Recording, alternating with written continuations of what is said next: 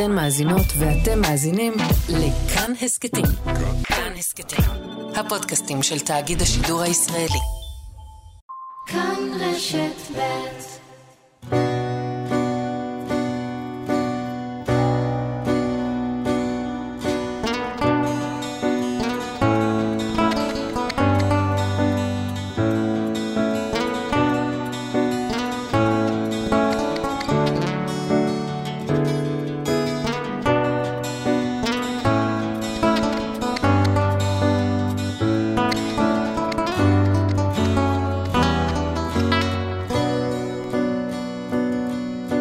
שבת שלום. אם אתם מאזינים ותיקים של התוכנית, בטח שמתם לב שבדרך כלל, כאן בשניים, אנחנו לא עוסקים באופן ישיר באקטואליה של מהדורות חדשות. כלומר, כזו שעושה כותרות היום ומתפוגגת מחר. אבל נדמה שעל סדר היום שלנו, הישראלים, עומד כרגע נושא שפוטנציאלית יכול להשפיע על החיים שלנו פה שנים קדימה.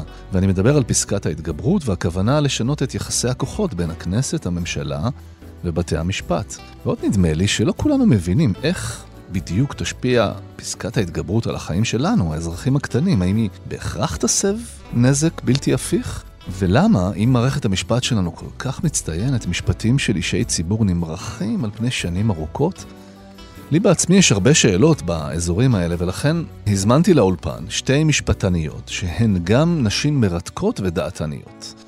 הפרופסור למשפטים סוזי נבות, סגנית נשיא למחקר במכון הישראלי לדמוקרטיה ואחת המרצות המבוקשות והבהירות ביותר בנושא חוקה ומשפט, ואביה א', שניהלה את המחלקה הכלכלית בפרקליטות המדינה ועומדת כיום בראש התנועה לטוהר המידות. ננסה להבין מהן האם הדמוקרטיה שלנו נמצאת בסכנה אמיתית, ובאותה הזדמנות גם להכיר את האדם שמתחת לגלימה.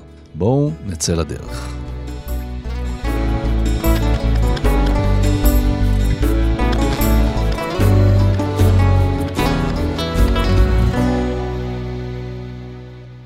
סוזי נבות היא פרופסור מן המניין למשפטים, סגנית נשיא למחקר במכון הישראלי לדמוקרטיה ואחת המרצות המבוקשות ביותר והבהירות ביותר בנושא חוקה ומשפט. היא זכתה גם באות אומץ על תרומתה למחקר המדעי ולשיח הציבורי בנושא השחיתות בישראל, אבל ללימודי המשפטים, כך הסתבר לי, התגלגלה בכלל במקרה בגלל שבעלה היה במילואים. שלום לפרופסור נבות. שלום אשכול. אכן כך? לגמרי כך. במקרה, בלי שום כוונה, מכיוון שלא נולדתי בארץ, העברית לא הייתה מספיק טובה ללימודים מן הסוג הזה. למדתי קצת אומנות ושפה וספרות צרפתית, אני אוהבת שפות, ויורם אישי, ש... היה סטודנט למשפטים, נעדר ממילואים, וביקש ממני באותה תקופה שלא היו מחשבים על השולחנות, לחצות את הדשא של גילמן לכיוון הפקולטה למשפטים בתל אביב. ולסכם, ולשבת... לסכם בשבילו את השיעור בעצם? לחלוטין, לסכם בשבילו את השיעור. איזה תמונה, ואת חוצה את הדשא של גילמן, הישר מלימודי הצרפתית והאומנות, מתיישבת בשיעור משפטים, ומה קורה? אני ישבתי וכתבתי כל מילה, וזה היה פשוט מרתק. לא הכל היה מובן, וחזרתי הביתה ואמרתי, תשמע, היה מאוד מעניין השיעור. עד היום אני זוכרת אפילו את פסק הדין שלימדו באותו שיעור, שבכלל היה תחום שעוסק בקניין, וביקשתי ממנו ברשותו, אם אני יכולה גם לעשות לו את השיעורים. אם כבר, אז אני אקרא את שיעורי הבית. אה, והאמת היא שכל היתר היסטוריה, בסוף השנה נרשמתי ללימודי אה, קדם משפט. מה זה לימודי קדם משפט? זה בעצם הכנה ל? כן, באותה תקופה בפקולטה למשפטים הניחו שמי שלומד משפטים צריך לדעת קצת מעבר ללימודי משפטים. הוא צריך ללמוד הוא צריך היסטוריה, והוא צריך ללמוד אה, פילוסופיה, והוא צריך ללמוד קצת כלכלה, כדי שהוא יהיה מוכן. אמרתי, אם אני אצליח עם השפה להתגבר, אם אני אצליח לעבור את השנה הזאת, אני אשאר. ואכן, באמת נשארתי. אני שוב מודה לו על זה שהוא ביקש ממני אז uh, לסכם את השיעור. תשמעי, זה סיפור יוצא מן הכלל, והזכרת שפה, ובעצם את עדיין חיה בשתי שפות בראש שלך? כל מי שנולד בדרום חולם בספרדית. אנחנו זה לא סתם השיר? לא, לא, אני חושבת שהשיר הוא, הוא מאוד מדויק. אני כבר הרבה מאוד שנים בארץ, עליתי בגיל קרוב ל-14, ואני חיה בעברית ומדברת בעברית, ודיברתי עם בנותיי בעברית. השפה מאוד יקרה לי, דווקא בגלל שהיא לא שפת האם. אבל יש משהו שתמיד משאיר אותך לטינו, אתה בטח מבין את זה. ובימים אלה, אתה יודע, של מונדיאל, יש כמובן חזרה להוואי, לאווירה ולשפה. השאלה אם אנשי אורוגוואי תומכים בארגנטינה במונדיאל, אני לא יודע, כי לא תמיד המדינות האלה היו חברות אחת של השנייה. לא, הן עדיין לא חברות, ויש מלא מלא בדיחות על כך. הארגנטינאים בכלל רואים באורוגוואי איזה פרובינציה נידחת שלהם.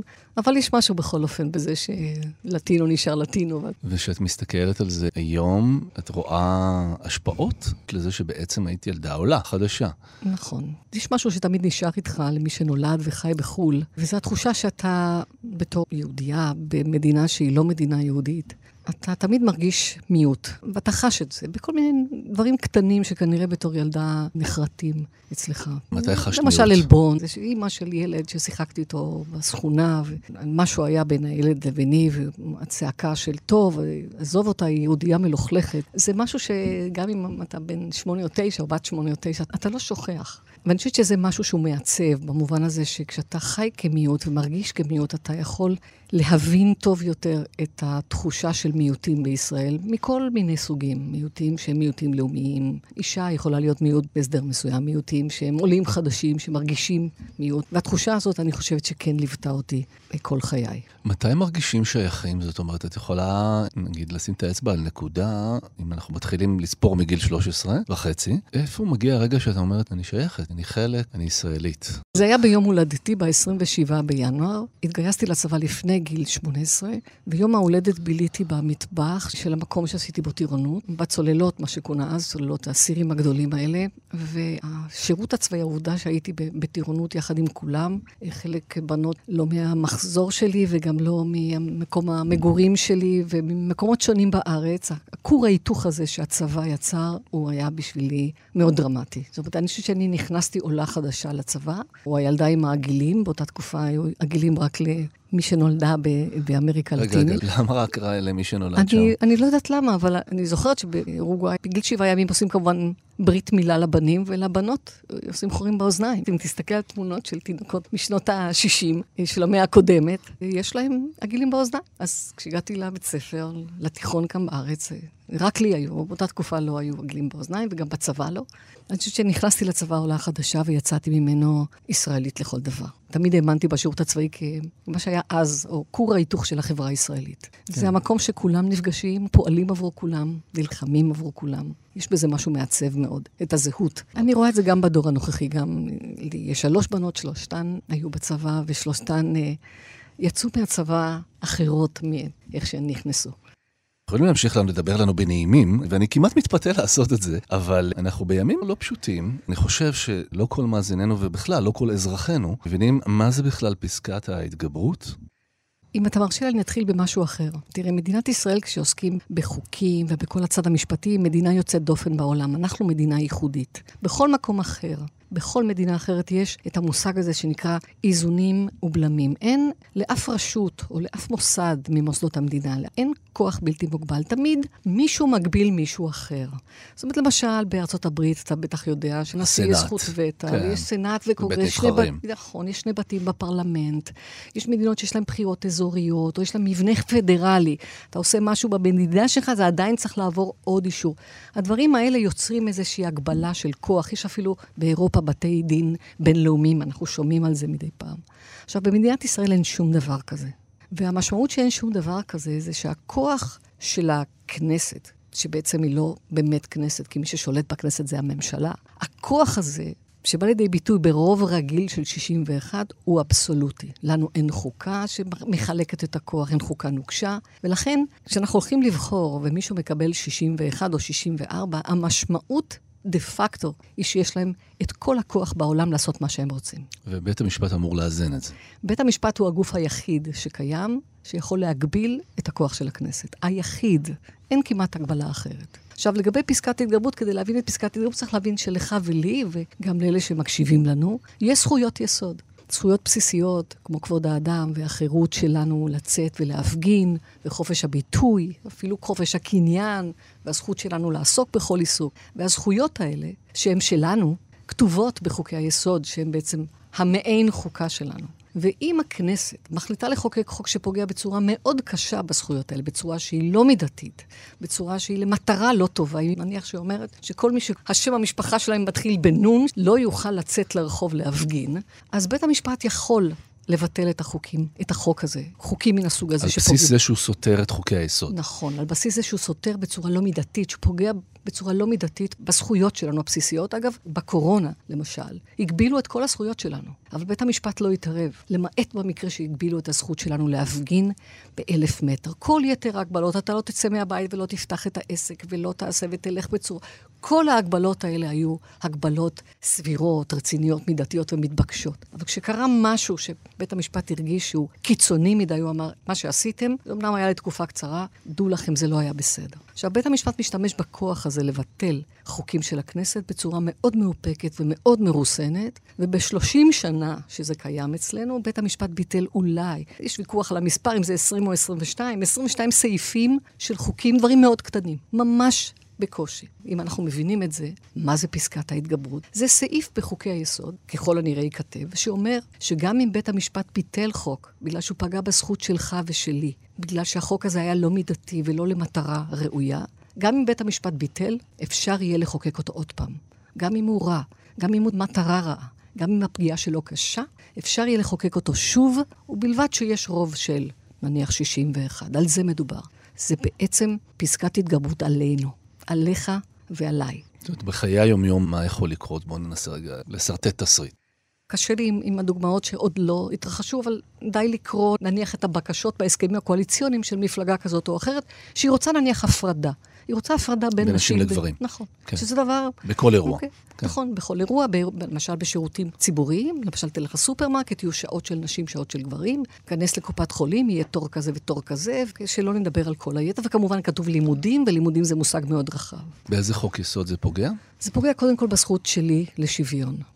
אוקיי? זה פוגע בחוק יסוד כבוד האדם וחירותו. המילה כבוד האדם, בית המשפט פירש אותה ככוללת בתוכה את הרעיון של שוויון, של כל בני האדם נולדו שווים, והפרדה, עצם העובדה שיש הפרדה, זה סוג של השפלה, סוג של ביזוי. צריך להחזיר כמובן את שנינו לארצות הברית של שנות החמישים של המאה הקודמת. של לבנים ושחורים, כן. נכון, בדיוק, שהם אמרו, אבל כתוב בחוקה equal, אז הם אמרו, בסדר, equal, yes, but separate. בסדר שהם יהיו בנפרד, זה גם equal. עד שבית המשפט העליון אמר, רבותיי, equal but separate is not equal. נפרד אבל שווה, זה לא שווה. נניח שיהיה חקיקה כזאת, ונניח שבית המשפט יגיד, ההשתלטות נניח של ההפרדה בספירה הציבורית היא לא מידתית. אוקיי? זה לא יכול להיות. אז הכנסת אומרת, אז אין בעיה, אנחנו עושים את זה ב-61, ו- ובכל זאת זה יהיה. זאת אומרת, הרעיון הוא שכל אחד מאיתנו צריך לראות את עצמו כמיעוט לעניין צורך כזה או אחר של מפלגה כלשהי בממשלה. אני אומרת את זה במיוחד, נניח, לציבור החרדי. למה? כי מי שהציל במרכאות את הציבור החרדי מפני חקיקה שהיא בעייתית, זה היה בית המשפט העליון. באיזה מקרה זה היה? דווקא הממשלה הקודמת, ליברמן, שר האוצר, אחת ההחלטות הראשונות שלו, זה כמובן לבטל את הסבסוד למעונות היום, למשפחות של החרדים. עכשיו, זה לא היה כתוב ביטול הסבסוד למשפחות של החרדים, כתוב ל- למשפחות שבהם שני בני הזוג לא עובדים. זאת אומרת, אם שניהם לא עובדים, הם לא יקבלו סבסוד. עכשיו, זה ברור שבמשפחות החרדיות, הגבר לא עובד, הוא לומד תורה. ולכן זה פגע מאוד קשה בציבור החרדי. אגב, יכול להיות שהמטרה של החוק היא טובה, למשל, שאנשים כן יצאו לעבודה. ובית המשפט פסל את זה. בית המשפט אמר שאי אפשר לעשות את זה מכאן ועכשיו. צריך לתת לאנשים האלה הזדמנות הוגנת להתמודד עם הרעיון. לתת להם אורכה של שנה, לראות איך הם מסדירים את חייהם, לא אחרי שכבר נרשמו לבוא עם החלטה כזאת. זאת אומרת, בית המשפט העליון הוא זה שבסופו של דבר הגן על הזכות הזו שלהם. בואו ננסה רגע לעשות תרגיל מנטלי ולראות את זה מהזווית האחרת. זאת אומרת, ממה זה נובע? מעבר לרצון לכוח בלתי מוגבל, האם יש איזו, איזו תחושה שבית המשפט מפריע למשול? אני חושבת שזה נובע מתופעה שהיא הרבה יותר רחבה מאשר מה שקורה בישראל. אנחנו רואים עלייה של פופוליזם בעולם, של מנהיגים חזקים, שהם כביכול נבחרים בדרך דמוקרטית, אבל הם באים ואומרים, אני נבחרתי ולכן אני מייצג את העם, וכל מי שלא איתי הוא נגדי, דהיינו הוא אויב שלי, ולכן באותן מדינות שהדבר הזה התפתח, פולין, הונגריה, טורקיה, פוטין וכיוצא באלה, אנחנו רואים תופעות שלצערי אנחנו מתחילים לראות גם אצלנו, שזה החלשה של שומרי סף. שזה השתלטות על כל מה שהוא אובייקטיבי, עצמאי, מקצועי וניטרלי. אנחנו רוצים דברים משלנו.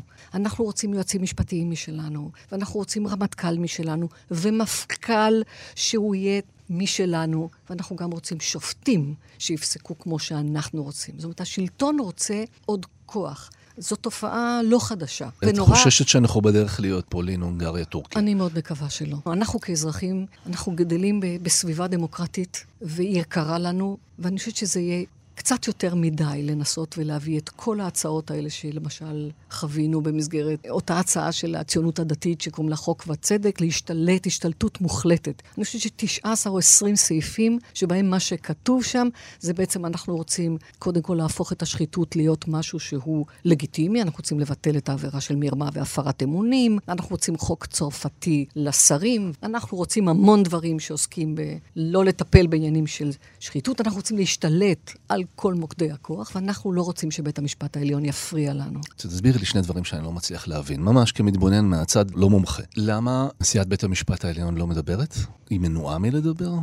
השופטים היא... מדברים בפסקי דין. זה כלל בלתי כתוב. אבל כרגע אין פסקי דין, יש מציאות ציבורית פוליטית שהיא חלק ממנה. אני חושבת שקודם כל יהיו פסקי דין. זה ייקח לדעתי כמה ימים. ביום שאנחנו מדברים, הוחלף יושב ראש הכנסת, מתחיל מה שנקרא בליץ החקיקה הראשון לפני הרכבת הממשלה. שני חוקים מאוד בעייתיים עולים על סדר היום. אחד זה חוק שיאפשר לדרעי, על אף שהוא כרגע לא כשיר להיות שר, חוק שיאפשר לו להיות שר.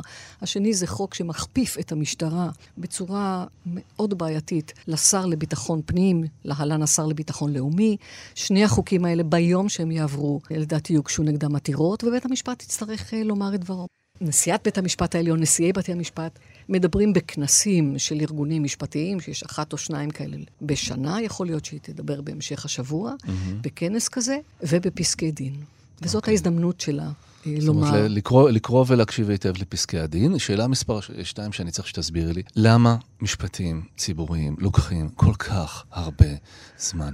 מה זאת המריחה הזאת? למה משפט נמשך כל כך הרבה שנים? למה חיברו את תיקי האלפים, ואז זה גרם לזה להיות עוד יותר ארוך, והמדינה נכנסת לתוך המערבולת הזאת? מערכת המשפט היא לא מעל לכל ביקורת, זאת אומרת, אנחנו לא יכולים להגיד שהיא לא ראויה לביקורת בכלל. זאת שאלה מופלאה, מופלאה. למה? כי זה לא רק להנחתה. את המערכת הזו צריך לתקן.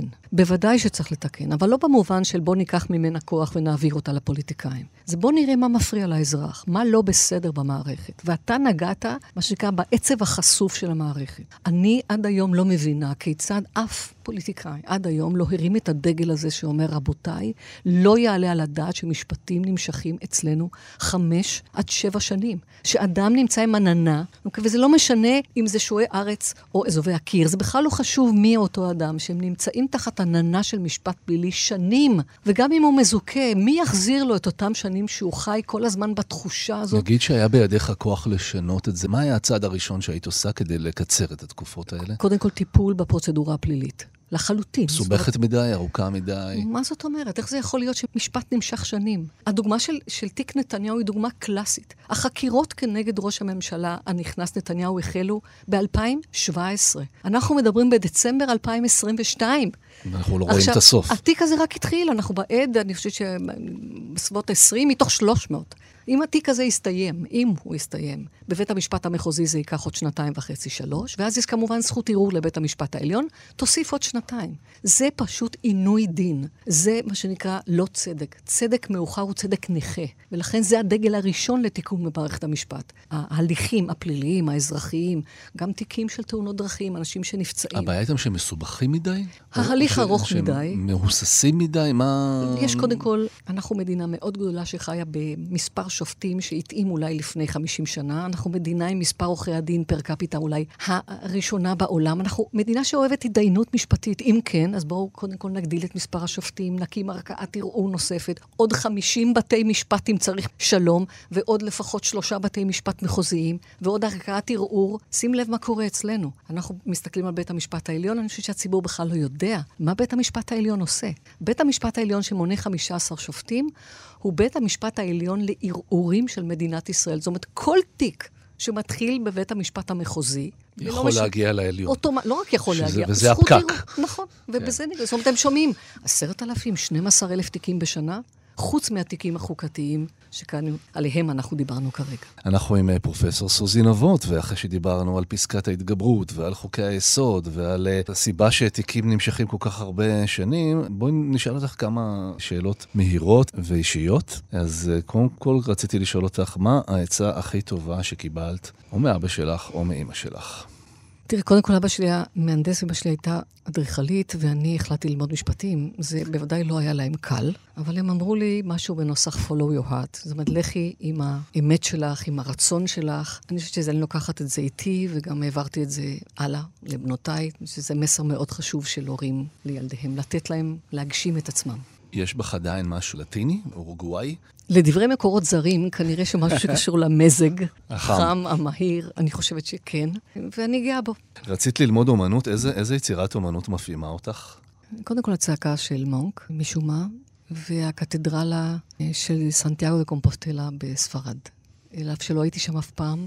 זו העבודה הראשונה שלי באומנות, והיא חרוטה עד היום. אז אני ממליץ לך בחום גם לצעוד קצת לפני בסנטיאגו, בשביל, ואז כשמגיעים, התחושה היא, כן, זה באמת מקום מאוד מיוחד. יש סדרת ערבים שנקראת ערבי כישלונות. אנשים מספרים על הכישלונות שלהם. על מה את מספרת בערב כזה? אני צריכה לחשוב על משהו אישי, אבל כרגע אה, לא. אבל אני כן אומר משהו, אני חושבת שמקצועי, שכבר הרבה זמן אני מנסה. זה אולי איזשהו סוג של חלום, אבל זה הצורך בהשלמת החוקה שלנו. הצורך בגיבוש של כללים שמקובלים על כולנו.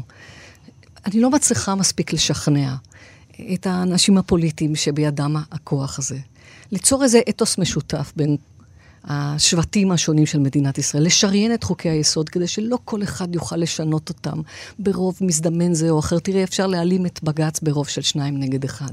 הרעיון שנקרא להשלים את החוקה באמצעות חוק יסוד החקיקה. בזמנו שר המשפטים היוצא, שר, הקים ועדה להשלמת החוק הזה של חברות וחברי הקואליציית השינוי, ושלושה מהאנשים של הוועדה הם בעצם היו אנשים מקצועיים. פנתה אליי בזמנו מרב מיכאלי, ראשת העבודה, וביקשה שאני אצטרף. אמרתי, אני אייצג את עצמי, לא את מפלגת העבודה, והייתי הולכת לשם גם אילו השרה איילת שקד הייתה מבקשת. זאת הייתה הזדמנות לעשות משהו להשלמת הפרק הכל כך חסר, זה היה מונע כל כך הרבה בעיות. זאת אומרת, חלק מהבעיות שיש היום, אוקיי, הבליץ של החקיקה, כל הדברים האלה היו אולי נפתרים אילו המהלך הזה היה נעשה. אני עובדת על זה שנים, ועדיין מתוסכלת. נאחל שעוד בימינו נזכה לראות חוקה. ולסיום, נשאל אותך, בגלל שהתוכנית משודרת בשבת, וזה זמן טוב טוב אה, ללכת אחרי הסקרנות שלך. מה היית ממליצה למאזיננו, או לקרוא, או סרט שצפית לאחרונה, זה לא חייב להיות קשור לתחום החוקה והמשפט.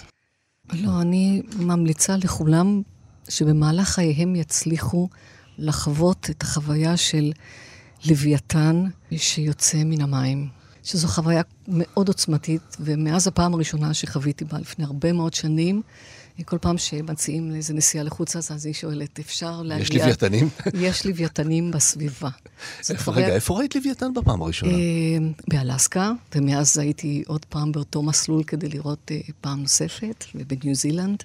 והדבר הזה, הוא השאיר רושם כל כך עז שאם אני יכולה להמליץ למישהו, אם יש למישהו הזדמנות מן הסוג הזה, אז החוויה היא פשוט בלתי נשכחת. זה אתה מול משהו שהוא כל כך עצום. באמת יוצא סילון של מים מגבו? אכן, ולפעמים הם אפילו יוצאים קופצים אל המים, והזנב שנכנס, התמונה הזאת היא בלתי נשכחת. טוב, תשמעי, התחלנו בפסקת ההתגברות וסיימנו בלוויתנים, אז אני חושב שזה בהחלט מסע. תודה רבה, תודה רבה שהיית איתנו ושהבהרת בארט ובהצלחה בכל מעשייך. תודה רבה, אשכול, זאת הייתה חוויה באמת ייחודית.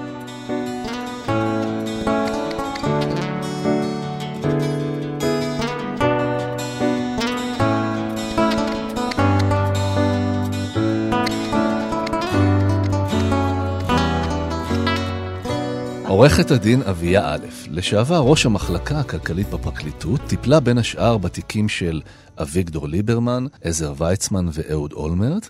היום היא יושב ראש התנועה לטוהר המידות שנלחמת בשחיתות השלטונית. שלום אביה. שלום אשכול. אז לפני שניגש לשחיתות השלטונית, נכיר אותך קצת. אני תמיד uh, מנסה לדמיין את מרואייניי בתור uh, ילדים. לגבייך תהיתי האם היית ילדה שוחרת צדק, נלחמת בעוולות. אני חושבת שבדיעבד הבנתי שהייתי סוג של, כי כשאתה ילד או בשנות הנעורים, אז אתה פשוט עושה מה שאתה חושב לנכון. גדלתי בתל אביב, הייתי ילדה רגילה, לימודים, בלט, תנועת נוער, נגינה, כמו שצריך. ואיפה בצבץ ה... ואיפה בצבץ הצדק. האמת היא שאני חושבת שכבר מקטנות, כשרבתי עם אחי הגדול, כשאנחנו ביחסים מדהימים, אבל כשרבנו מי צודק, איפה עובר קו הגבול. אבל יש סיפור שאני לא אשכח ואני נושאת אותו איתי, אני לא זוכרת אם זה היה בכיתה ז' או בכיתה ח', הייתי כבר בגימנסיה, אז התחילה אינטגרציה, אז עברנו לחטיבת הביניים בגימנסיה הרצליה. והגיע ט"ו בשבט, והיה שלג בירושלים, שזה היה דבר נדיר, ובתל אביב אין שלג. אמי לקחה את הכיתה שלה ברכבת לירושלים כדי לראות את השלג, היא כתבה שזה מאוד נכון, והיא שאלה אותי אם אני רוצה להצטרף, והצטרפתי. הסתבר בדיעבד שרוב הכיתה שלי באותו יום נסעה לראות את השלג בירושלים, רק כולם חזרו למחרת עם פתקים. בתי לא הרגישה בטוב, בני לחש ברע, לא הגיע וכו'. רק אבא שלי, יקה טיפוסי, הוא שלח איתי מכתב שבתי לא הגיעה אתמול לבית הספר כי היא נסעה לראות את השלג בירושלים. חשבתי שזה נכון, זאת הזדמנות נדירה. כולם נשארו בכיתה, אני נשלחתי לספרייה, כי זה ט"ו בשבט להכין עבודות על הכנסת. סיפרתי לאבא שלי, אבא שלי הגיע למנהל המיתולוגי של הגימנסיה, דוקטור גילון, ואמר לו בשיא הפשטות, זה לא חינוכי. אתה מלמד את הילדים לשקר. החזירו אותי כמובן ישר לכיתה, ואני לא שוכחת את הסיפור הזה. אז מאז כנראה, או שירשתי את זה גם מהבית, או שזה גם ממני. נהדר. חיפשתי, כן, אני לא, לא שוכחת את הסיפור הזה. זה מדהים כמה ההורים משפיעים עלינו, מדעת ומבלי דעת. הבנתי גם שבגיל מאוד צעיר כתבת על פתק שאת רוצה להיות, כשתגדלי, לוחמת צדק? לא בדיוק. אחרי התיכון, הלכתי לצבא, הייתי בנחל, ייסדתי קיבוץ, עץ מצפה שלם, היינו שם כמה שנים, ואז נרשמתי ללימודים. ונרשמתי לכלכלה במנהל עסקים, לארכיטקטורה בטכניון. ולמשפטים בעדיפות ב'. ואז התקבלתי למשפטים, זה היה קשה. אני חושבת שבמידה מסוימת עוד יותר קשה מהיום, גם לירושלים, גם לתל אביב. והלכתי ללמוד משפטים. למה ככה? אבא שלי שהוא מהנדס, הוא אמר זה לופטגשפטן, זאת אומרת הוא גיבה אותי והכל, אבל זה לא משהו פיזי, זה לא הנדסה או מתמטיקה. ובדיעבד, לא כל כך זכרנו את זה. לפני חמש שנים היה אה, כינוס אצלי במקרה בבית של 40 שנה מאז שסיימנו את התיכון, הייתה לנו מחנכת. כנס מחזורים. כנס מחזור של הכיתה כן. שלי, ואז המורה שלנו, אז המחנכת, הוציאה פתקים. אני לא כל כך זכרתי את זה, אבל במסיבת הסיום של כיתה י"ב, היא ביקשה מכל אחד שירשום על פתק מה הוא יעשה כשהוא יהיה גדול. ואני לא זכרתי את הפתק כל כך, אני מודה, לא זכרתי מה היה כותב בפתק, חילקה את הפתקים, אני פותחת את הפתק שלי, וכתוב שם, כשאני אהיה גדולה, אני אהיה כנראה ארכיטקטית, אבל אולי אם אני לא אתקבל או יהיה משהו אחר, אני אלך להיות עורכת דין. וואו. אם לא יקבלו אותי למקום אחר. איזה נבואה. וכך היה. אז אה, כן, יש אולי משהו. כן, זה גם הכוח של המילה הכתובה, היא בראה מציאות. אני מסתכל על התיקים שטיפלת בהם, כל אחד יותר כבד מהשני. כולם תיקים עם תשומת לב ציבורית מאוד גדולה וגם עם התמודדות עם אנשים כוחניים. ואני תוהה אם יצאת, את כבר לא שם, כבר לא במחלקה הכלכלית, אם יצאת משם פסימית, אופטימית, מצולקת, אה, לוחמנית, רוצה רק לעשות לביתך ושכולם יניחו לך, זאת אומרת, כן יש פרספקטיבה כבר של מרחק מהתפקיד, אז איך את מסתכלת על זה עכשיו, על השנים האלה של התיקים? אני סיימתי קדנציה ב-2013, ואני יצאתי משם לא מצולקת, היה טוב מאוד, היום מצוין. אני עושה המון דברים בהתנדבות. אני לא כל כך עושה לביתי, כי אני עושה הרבה דברים בהתנדבות. זה חלק מהתיקים. אני אומרת את זה לא כדי להתגאות בתיקים, אבל uh, כשחשבתי שצריך לחקור את דני דנקנר, יושב ראש בנק הפועלים, שהיה הבנק הגדול ביותר uh, במדינה, חשבו ש... סליחה על הביטוי, התחרפנתי, כי מי מתעסק עם האנשים האלה? זה כוח. ועוד, uh, ראש רשות המיסים לשעבר, ג'קי מצה. אז אני מספרת את הדברים האלה משום שאני לא חושבת שהצטלקתי. אבל יצאתי משם עם תובנות שצריך להפריד בין הכיסא לתפקיד. שכשאנשים מחפשים את קרבתך זה לא תמיד בגלל העיניים הכחולות שאין לך, הם כנראה רוצים משהו אחר. כי אימא שלי הייתה מהמורות המיתולוגיות האלה, ששמרה על קשר עם התלמידים, גם באו להספיד אותה בלוויה, התלמידים שלה מלפני 50 שנה. אני מאמינה גדולה מאוד בחינוך, אני גם אדם אופטימי מטבעי, אז יצאתי אופטימית, ש, שיש מקום לשנות. כתבתי אפילו ספר על המערכת, על פרשת ליברמן. אני רוצה לשאול אותך רגע, עם כל האופטימיות, תקני אותי אם אני טועה, נדמה לי שהתיק ליברמן אמור להיות התיק שהכי יתסכל אותך. זאת אומרת, זה, זה בסופו של דבר לא נגמר במה שחשבת שזה צריך להיגמר.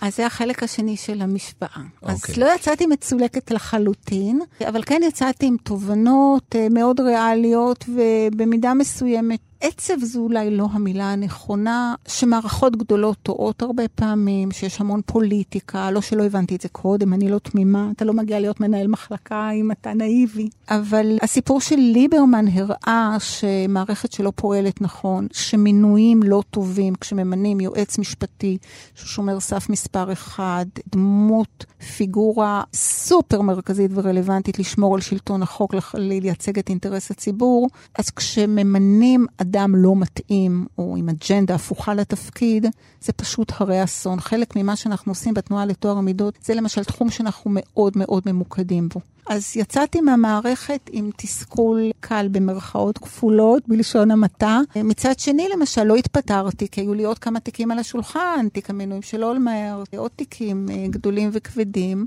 אבל כן, זאת הייתה תחושה קשה, שהמהלכים לא נכונים. נגעת בעניין טוהר המידות, ואת בעצם יושב ראש של התנועה לטוהר המידות, וקראתי קצת על מה שאתם עושים, ושאלתי את עצמי, זה לא משהו שמבקר המדינה אמור לעשות? אגב, מינויים מתאימים ולא מתאימים. ואל תהיי פוליטיקלי קורקט בתשובתך. אני אהיה מנומסת בדרכי העדינה, מה שנקרא, רגישה ונחושה. אחד הנאשמים פעם אמר עליי, אני ניהלתי עשרות שנים, עסקתי בליטיגציה, באמת, מול מיטב עורכי הדין. אז אה, אחד הנאשמים פעם אמר לאחד העדים שהייתי צריכה לחקור אותו בחקירה נגדית, תיזהר ממנה כמה שהיא מנומסת. זה הסתיים שם בהרשעה ובגזר הדין של כמה שנים okay, אוקיי, בכלא. אני לא צמאה דם, אבל לפעמים okay, זה מטעה. בנימוס תעני לשאלתי. הפוליטיקלי קורקט לפעמים okay. יותר קשה. קודם כל, זו שאלה מצוינת. מבקר המדינה, פורמלית, אמור לבקר את כל המדינה. גם תקציב, אבל הרבה מאוד לגבי טוהר מידות. אה, והוא צריך לבדוק גם לגבי תקינות של אה, עבודת המבוקרים. עכשיו, יש כל מיני מנגנוני בקרה ופיקוח ומנגנונים שצריכים לדאוג למינויים טובים. אז זה לא רק מבקר המדינה, יש ועדה למינוי בכירים של מפכ"ל, רמטכ"ל וכו', יש ועדות למינוי אה, ראשי ארגונים, יש ועדות שעוסקות בכך. מבקר המדינה בא ומבקר בדיעבד את הפעילות, אבל מבקר המדינה לא ממנה, אבל ברגע שיש פוליטיזציה שבוועדות המינויים, אה, יש פוליטיזציה של מינויים בכירים שאמורים להיות באמת נקיים של סיביל סרבנטס אמיתיים, לא אנשים מטעם, לא פוליטיזציה של המינויים האלה שידאגו למפלגה או לאנשי שלומם וכו'. ומבקר המדינה לא מבקר, אלא הוא ממונה מטעם ומטייח כל מיני דברים, או לא עוסק במה שצריך, אז אנחנו בבעיה גדולה מאוד. החדשות הטובות, שאתה הזכרת רק את מבקר המדינה, החדשות הפחות טובות, שזה לא רק מבקר המדינה, נציב שירות המדינה, למשל, גם אמור לפקח על מינויים בשירות המדינה.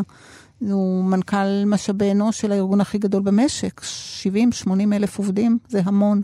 הם לא עושים את תפקידם, ולא להיות פוליטיקלי קורקט בשנים האחרונות, לפעמים זה נראה שמחבלים בתפקיד. פשוט פועלים בניגוד לאתוס של הגוף שבראשם הם עומדים, ומשרתים איתם את מי שמינה אותם. כשאת קוראת את האינפורמציה על ההסכמים הקואליציוניים המזדמנים, יש סיבה לחשוש מפוליטיזציה של המשטרה ושל הצבא? כן, במילה אחת כן, בשתי מילים זה איום ונורא. אז תסבירי לי, כי אני מרגיש שאני הולך לאיבוד פה בתוך כל הפסקאות והסעיפים. אז אני אומר שני משפטים, כי, כי התוכנית היא באמת קצרה, אבל שני משפטים להראות את המסגרת. מדברים על פסקת ההתגברות, מדברים על פוליטיזציה של יועצים משפטיים לממשלה, של מינויים, של משרות אמון. מדברים על הכפפת המשטרה לשר לביטחון פנים. כאילו, לפחות זה מה שבתיקון פקודת המשטרה, להשוות למה שקורה בצה"ל, שצה"ל כפוף למשרד הביטחון. אז קודם כל צריך לקחת צעד אחד אחורה, לעלות לבלקוני, כמו שלימדו אותנו בהרווארד, ולהסתכל על התמונה כולה. זה חלק ממכלול של מה שהיום גם חלק ממאבק הגלימות וגם אנשי משפט רבים וגם אזרחים מן השורה מגדירים כהפיכה או מהפכה בישראל ושינוי מעיקרם של עקרונות השיטה. אין יותר הפרדת רשויות, אין כנסת מפקחת על הממשלה, בית משפט מפקח על רשות מבצעת ורשות מחוקקת. אין הגנה על זכויות מיעוט, היום זה מישהו אחד, מחר זה מישהו אחר. אין הגנה על שוויון זכויות. אין הגנה על מעמדו של בית המשפט שאמור לפקח. אז אני אומרת, צריך להסתכל על זה כמכלול, ואפשר לפרק את זה לגורמים. ולמה ספציפ... זה כל כך נורא שבאמת לשר הביטחון פנימי תהיה סמכות שקולה לזו של שר הביטחון? אז ספציפית, לגבי הכפפת המשטרה לשר הביטחון, קודם כל אין מה לעשות, צריך לראות מי היום שר לביטחון פנים, זה עבריין מורשע.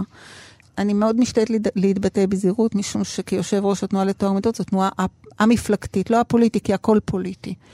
אבל מהקצה הימני קיצוני, אדם מחרחר ריב ומלחמות, שכבר ראינו אותו בסיטואציות של פשוט הסלמת המצב, ושגם ככה הוא לא רגוע באזורנו, למנות אדם כזה זה לא לשים מתחת ולשמור על השמנת, זה לתת לפירומן גפורים ביד ושידליק את חבית אה, אבק השרפה. אז קודם כל זה הפרסונה. ספציפית לגבי תיקון פקודת המשטרה, זה מאוד בעייתי, משום שהמשטרה היא עצמאית. רק תחשוב על סיטואציה שהשר רוצה להכין תיק על אחד מהמפגינים, אה, דגלים שחורים או משהו אחר, או השיירות לירושלים. הוא מורה למשטרה להאזין. היום למשל כל נושא ההאזנות הוא בפיקוח, הוא עצמאי, המשטרה חוקרת, היא לא כפופה לשר. המשטרה לא אמורה לשרת את מדיניות השר, שזה התיקון, זה בעצם הוא מקים לו מיליציה פרטית. שזה איום ונורא, זה לא יכול להיות במדינה דמוקרטית. שר אמור ליישם את מדיניות הממשלה, המשטרה אפילו לא תיישם את מדיניות הממשלה, היא תיישם את מדיניות השר. תאר לך ששר יורה למשטרה להימנע מלחקור דבר מסוים שלא נראה לו פוליטית. מהומות בשייח' ג'ראח, או מחר השר מורה למשטרה לחקור מישהי שלא התלבשה בצניעות מספקת. למה? כי זה לא נראה, לא מתאים לו לאג'נדה. זה איום ונורא, ואם במקביל גם גורעים מכוחו של בית המשפט לפקח על פעילות הרשות המבצעת. אנחנו נמצאים בהונגריה, בפולין, אני לא רוצה לחזור לשנת 33. תסבירי לי את עניין אריה דרעי. זאת אומרת, איך זה נראה מתוך העיניים שלך כמי שעוסקת בטוהר מידות? מושחת. למה זה בכלל אפשרי? זאת אומרת, מדברים על זה כעל משהו שהוא אפשרי. איזה פרצה פה בחוק מנצלים כדי להכשיר את הדבר הזה? הסיפור של דרעי הוא גם סיפור משפטי וגם סיפור מוסרי, הוא לא כל כך סבוך. עניינית מדובר באדם שהורשע כבר פעמיים, התיק השלישי נסגר, אריה דרעי, אני מזכירה, גם היה מעורב בברון חברון, יש באמת קופה של שרצים מאחוריו. אז קודם כל מוסרית, למנות אדם כזה, בוודאי על קופת הציבור, זו שערוריה בעיניי. אבל המשפט לא תמיד הולך מהמוסר לצערי, ו... איזה בעייתי. הדבר השני, שהיום חוק יסוד הממשלה לא מאפשר למנות שר שנשפט למאסר. בא אריה דרעי ואומר, מה זאת אומרת? מאסר זה רק מאסר בפועל, כי התיק האחרון שלו, כידוע, הוטל עליו מאסר על תנאי. פה כבר יש התחכמות שהיא לא מקובלת, והיא גם בעיניי לא עולה בקנה אחד עם המבחן המשפטי, משום שדרעי התפטר לפני גזר הדין, ובעצם הוא התחייב שהוא לא יחזור לפוליטיקה. והנה הוא חוזר לפוליטיקה, אז מה שווה ההתחייבות שלו? גם עניין נוסף. מה שהולכים לעשות כרגע זה לתקן את חוק יסוד הממשלה, משום שהיועצת המשפטית כבר הביעה את דעתה שהיא סבורה שמאסר זה גם מאסר בפועל וגם מאסר על תנאי. כי אנשי דרעי, נתניהו ובכלל, באים ואומרים, מה זאת אומרת? כתוב בחוק, גמר לרצות את עונשו, לא יוכל להיות שר. הם אומרים, מרצה את עונשו רק מי שנשלח למאסר בפועל. אם זה מאסר על תנאי, אתה לא נכנס לבית הסוהר, אתה okay. לא אוקיי. יושב בקלבוש. אז הולכים עבור אריה דרעי, שזה בעצם חקיקה פרסונלית, שזה לא הוגן, זה לא שוויוני, זה נוגד את עקרונות השיטה. אז למה שבית המשפט וכנו... העליון ישלים עם זה? אז קודם כל, בית המשפט העליון לא בטוח שהוא ישלים, אבל בשביל זה, בשיטה המשפטית הנוהגת, בעיקרון צריך להשלים את החקיקה, ואז יעתרו בטח אנחנו, תנועות נוספות, נעתור נגד העניין הזה. אבל אמרתי לך קודם, תלך צעד אחד אחורה, תראה מה קורה, יש כבר איומים. אנחנו נפטר את היועצת המשפטית אם היא תגיד כך וכך. אנחנו נחוקק פסקת התגברות כדי שבמקרה, לפי החוק הקיים, אם מחוקקים היום חוק לא חוקתי, לא מידתי, שלא עולה בקנה אחד עם עקרונות היסוד ועם חוק כבוד האדם וחירותו למשל, אז בית המשפט יכול להגיד, זה לא חוקתי. תתכבדו, תחזירו לכנסת, תחוקקו משהו מותאם יותר, נכון יותר לשיטה. היום הכנסת אומרת, לא, אנחנו נחוקק את, כמו שבסרט ארבינקה היה, את שיטת בן גוריון, אם אתה זוכר. ספרי למאזיננו. וואו, זה מזכיר את הגיל. בארבינקה יש תחרות שצריכים לנחש איזה קלף אה, ישנו. אז כל פעם אחד אה, אומר דבר אחד, אז שאני אומר, לא, חשבתי על ההפך. ובסוף, כשכל הקלפים כבר מתגלים ולא נשארו יותר כלים, אז אומרים, וואלה, בן גוריון, זה הופך את כל השיטה. הופכים את הכללים. ואז הכנסת רוצה היום לחוקק את פסקת ההתגברות. זאת אומרת שבמקרה, ולפי השיטה הקיימת, בית משפט שאמור לפקח, יגיד, זה לא חוקתי, אז אנחנו נעשה הפוך על הפוך. אז אנחנו נחוקק חוק חדש, שבעצם ישלול מבית המשפט את היכולת שלו ואת הזכות שלו, מוסרית ומשפטית, לפקח על הרשות המבצעת. זה מאוד מאוד מסוכן. כן, ככל שאנחנו מדברים אני נהיה יותר ויותר מוטרד, ולכן אני... לא, זאת הייתה הכוונה. זאת אומרת, האמת היא זאת הכוונה, אבל בערבון מוגבל. לא, בסדר, אבל אנחנו, אני אבקש ממך, כשאת מסתכלת, גם באמת אה, הרבה שנים של ניסיון, וממגוון מאוד רחב של תחומים, מה כן נותן לך סיבות לאמונה בעתיד אה, טוב למקום הזה? אז קודם כל, אני אתחבר למה שאמרת קודם. אני גם מוטרדת, אני לא רק מוטרדת, אני דואגת מאוד. יש לי בני שלוש בנות, אני רוצה בשבילן ובשביל בשביל כולנו שיהיה, שיהיה עתיד למדינה. אה, אני גם באה מתחום עבירות הצווארון הלבן, אני מרצה על זה, אני מרצה באוניברסיטה, אני כותבת, הדוקטורט שלי הוא בתחום הזה, על, אה, על אחריות דירקטורים. זה מפחיד, זה מטריד, זה מדאיג. אם ישראל תשקע להיות דמוקרטיה פורמלית גרידא, אז כולנו נסבול, כי לא יהיה אשראי, כי ינדו אותנו מהעולם, תהיה לנו בעיה גם כלכלית וגם אחרת. אבל המהות היא שבאמת גם אני מוטרדת, משום שהתהליכים האלה מדאיגים מאוד, אומרים שמי שמזכיר ראשון את השואה, אז הוא מפסיד בוויכוח. אני לא מזכירה את השואה, אה, אבל אבא שלי עלה ב-33 מברלין, והוא סיפר לי מה היה שם ברחובות. עלה מתוך ציונות לארץ עם סרטיפיקטים הם עלו. הפלוגות עם החולצות החומות הלכו שם ברחוב. וזה מה שקורה בארץ. אני יודעת שאני אומרת דברים לא קלים, יש מקומות שיש פוגרומים, יש מקומות שאין דין ואין דיין, וזה מפחיד, כי משם ועד אנרכיה הדרך קצרה מאוד. וכשפוגעים בזכויות של חלק, היום זה החלק הזה, מחר זה חלק אחר, כפי שברטולד ברכט מצטט. היום, אתמול לקחו את הפרוטסטנטים, מחר ייקחו אותנו. זה נורא מדאיג. למה אני בכל זאת כן אופטימית? א', כי אני מאמינה בעשייה. זה נשמע קצת קלישאה, אבל ייאוש אצלי זה לא תוכנית עבודה, בטח זה לא אופציה. ולכן אני מתנדבת ומרצה, ואנחנו מגישים עתירות.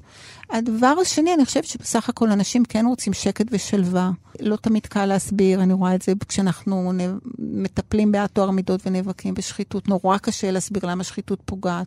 אז אני אופטימית כי אני חושבת שיש עשייה. המון פעמים אני מצטטת את מרגרט מיד. אה, שאומרת, ואני באמת מאמינה בזה, לא להטיל ספק בכוחה של קבוצת אזרחים שאפילו קטנה, אבל שאכפת לה לשנות את המציאות. אתה שואל אדם למה הוא אופטימי? כי הוא כזה.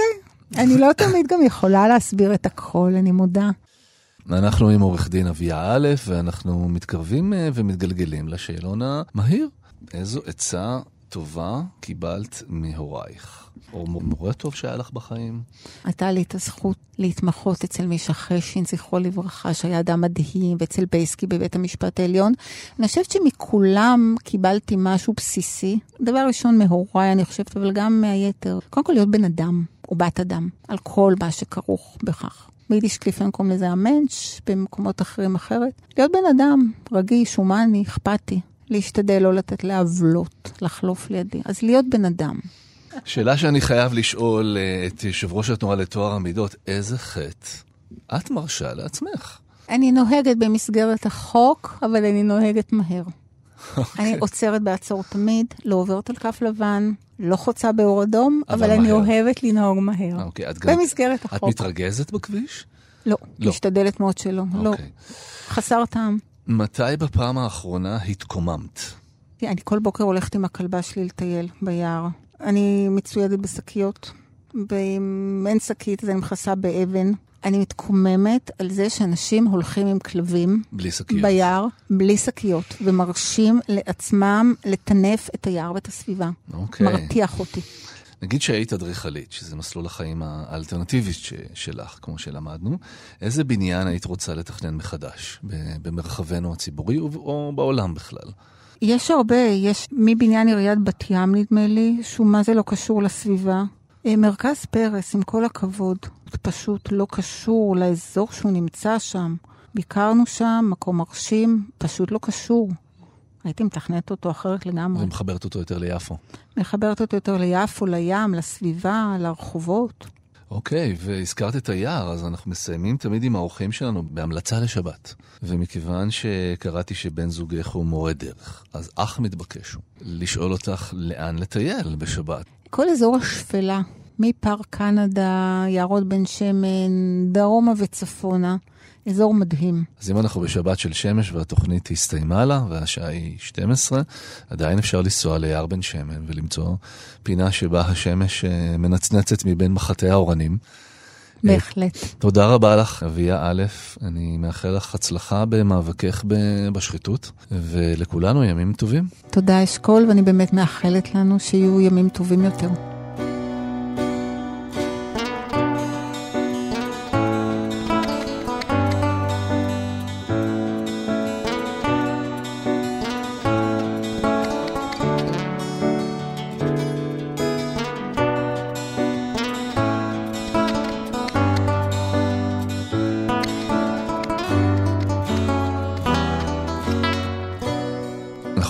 מתקרבים לסיומה של התוכנית. אני למדתי הרבה היום, אני מקווה שגם אתם, וגם למדתי שאפשר להגיד דברים נוקבים בצורה עדינה ומתונה.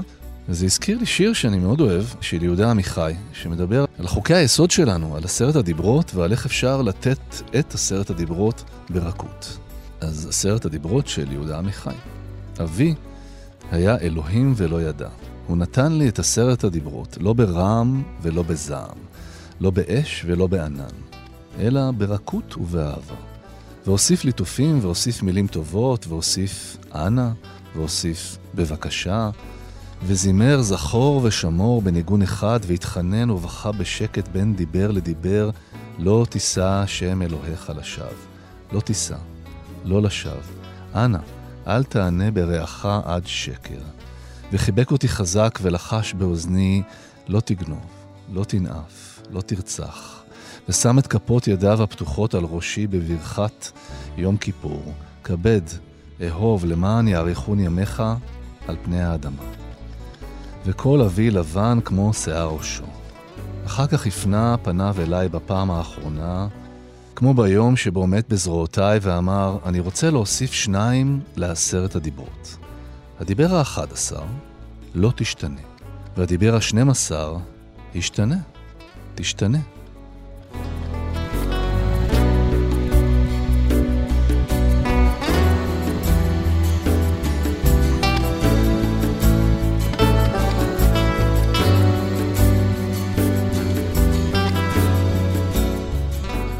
תודה רבה לאיילת דוידי על ההפקה, התחקיר והעריכה. תודה רבה ליאיר ניומן על הביצוע הטכני. תודה רבה לאורחות שלנו היום, עורכת הדין אביה א' והפרופסור למשפטים סוזי נבות. שבת שלום, מאזיניי היקרים, אני מאחל לכם שתתגברו על הכל.